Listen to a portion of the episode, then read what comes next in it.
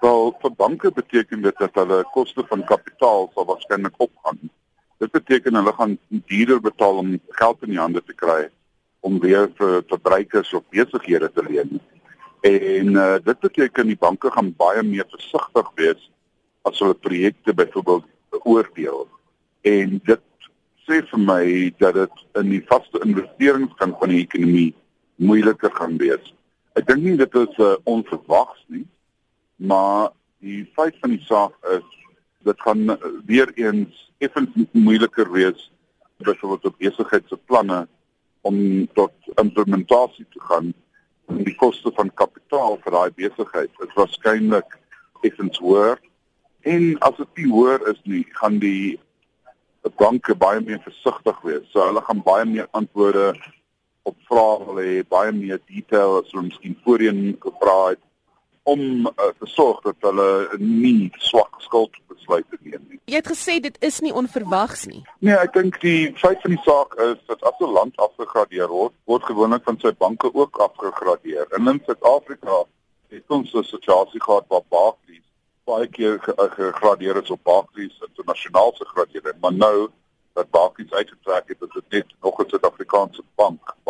So Suid-Afrikaanse banke is dan saam met die res van die land afgegradeer. Afgradering van 'n land bring dan mee dat jy gewoonlik vir jou banke kry wat afgegradeer is. Partykeer het jy internasionale banke wat dan kan toetree en 'n uh, groter markandeel kan wen, maar in hierdie geval die internasionale banke ook besig om stadig uit Suid-Afrika te beweeg. Verbruikers, hoe gaan hulle geraak word? Wel ek dink nie die verbruikers word 100% gevoel wat reeds skuld gemaak het nie. Ek dink nie rentekoers gaan op op iets nie, maar ek dink vir die verbruiker wat nou 'n nuwe kar wil hê, die banke gaan baie meer versigtig wees of hulle jou gaan geld ken of nie. Ek dink hulle gaan nog waarskynlik 90-95% van hulle transaksies doen, maar daai paar riskante transaksies gaan hulle nie sommer doen nie. En uh, dit is waar hulle dan die verbruiker effek gaan voel. En dan gaan die verbruiker ook effek voel wanneer hy soek na nuwe werk. Daar gaan net minder werksgeleenthede wees met die totale landsafgradering. Dit is nie die einde van die wêreld of enigiets nie. Ons sal weer groei ons sal weer dinge aan die gang